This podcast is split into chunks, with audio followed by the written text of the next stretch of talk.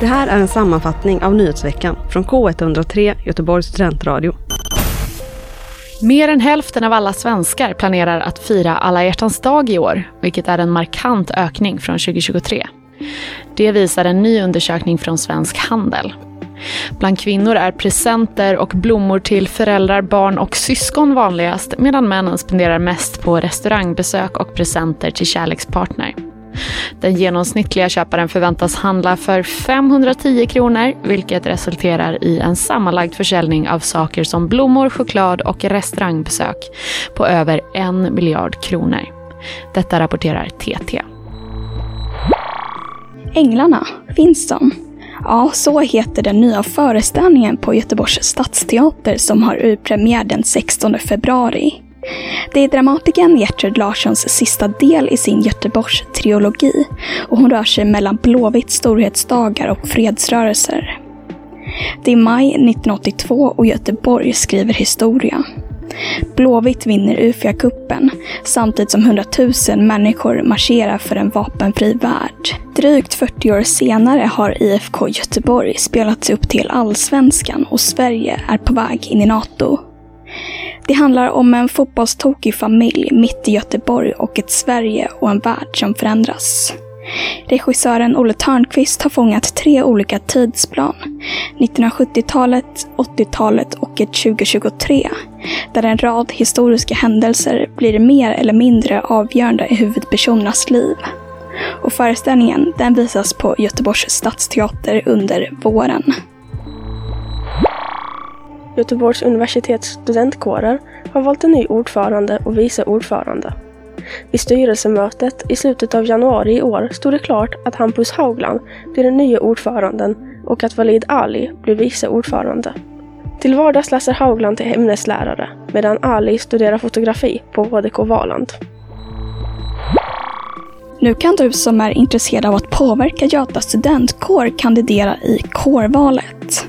Det är det val där ledamöter för Göta studentkår väljs in till fullmäktige.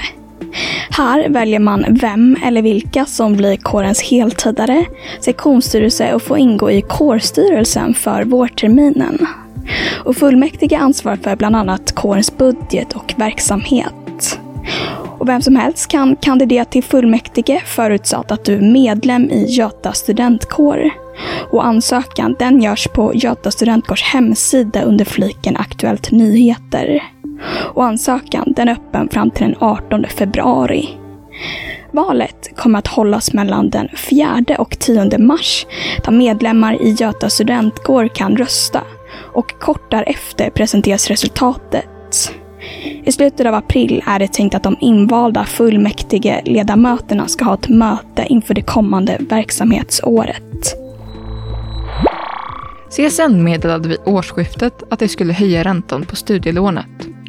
Flera studentkårer, däribland Götakåren, har skrivit under ett öppet brev där de framför sina resonemang om varför räntehöjningen kommer ha negativa konsekvenser.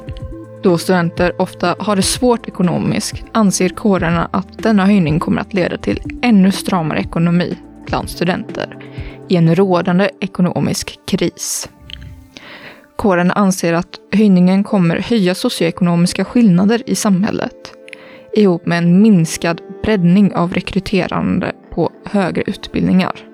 Kårerna kommenterade på regeringens beslut med att säga citat Istället för att satsa på en breddad rekrytering tycks regeringen prioritera signalpolitik om hårdare tag. Där följden blir att det stora kollektivet straffas. Slutcitat. Way Out West intar i augusti, precis som tidigare år, Slottsskogen. Förra veckan presenterades ytterligare fyra nya akter. Dessa var det engelska shoegazingbandet Slowdive, popbandet Always, rapparen TK Maidza och den franska musikgruppen L'Imperatrice. Fler akter förväntas presenteras inom kort. Festivalen infaller den 8 till 10 augusti. Bröderna Mozart är Susanne Ostens Guldbaggebelönade film från 1986 om en regissörs kaosartade väg fram till premiären. Nu har den premiär på Folkteatern den 24 februari. Det är regissören Frida Röhl som sätter upp pjäsen och det sker på den stora scenen. Bakom produktionen finns kompositören Joel Igor Hamad Magnusson som har skapat helt nya elektroniska arrangemang av Mozarts klassiska verk. Och på scenen möts publiken av en ensemble. Bland skådespelarna finns bland annat Magnus Krepper och Kjell Wilhelmsen som tidigare syns i film och tv-dramatik. Enligt en doktorandenkät vid Göteborgs universitet har en allt större andel av doktoranderna inga eller mycket dåliga kunskaper i svenska språket, hela 30 procent. Antalet doktorander med liten eller ingen svenska har fördubblats vid Göteborgs universitet under de senaste tio åren. Tidigare undersökningar har visat att bristande kunskaper i svenska är en riskfaktor för social isolering och många utländska doktorander säger sig lida av ensamhet och känner sig uteslutna på institutionen. Detta beror bland annat på att all nödvändig information inte finns tillgänglig på engelska. Ett problem med detta är att social isolering ofta leder till sjukskrivningar och avhopp bland doktorander. Den 23 februari är det dags för Göta Comedy Club som är tillbaka för femte gången. Tre komiker kommer att inta scenen under en kväll i Studenternas hus där de bjuder på ett fullspäckat program. Och hittills har man via Göta studentkårs Instagram-sida fått reda på att komikern Kristoffer Nyqvist ska gästa. Han är känd från bland annat Tankesmedjan i P3. Och fler komiker kommer att presenteras de kommande veckorna. Biljetter de går att köpa på Orbi, men det är begränsat med platser så det gäller att vara först till kvarn. Det fuskas mer på yngre lärosäten. Detta visar en rapport från studieförbundet Näringsliv och samhälle. Anledningen tros vara kopplat till att de yngre skolorna oftast har lägre söktryck och får studenter med lägre betyg och svagare förkunskaper. Enligt rapportförfattarna är en rimlig lösning på detta att omfördela resurserna mellan läroverk för att jämna ut dessa skillnader. De skolor med flest fuskärenden var Blekinge Tekniska Högskola, Högskolan i Borås och Mälardalens universitet. Och det vanligaste fusket var plagiat. Göteborgs universitet och Chalmers tekniska högskola var båda med bland de lärosäten med lägst antal fuskärenden. Allra minst hade Umeå universitet. Detta rapporterar TT. Under en miljöövervakning på västkusten hittade geoforskaren Arne Nygren något som fick honom att haja till. Det var nämligen en sorts mussla som ansetts vara utdöd i svenska vatten.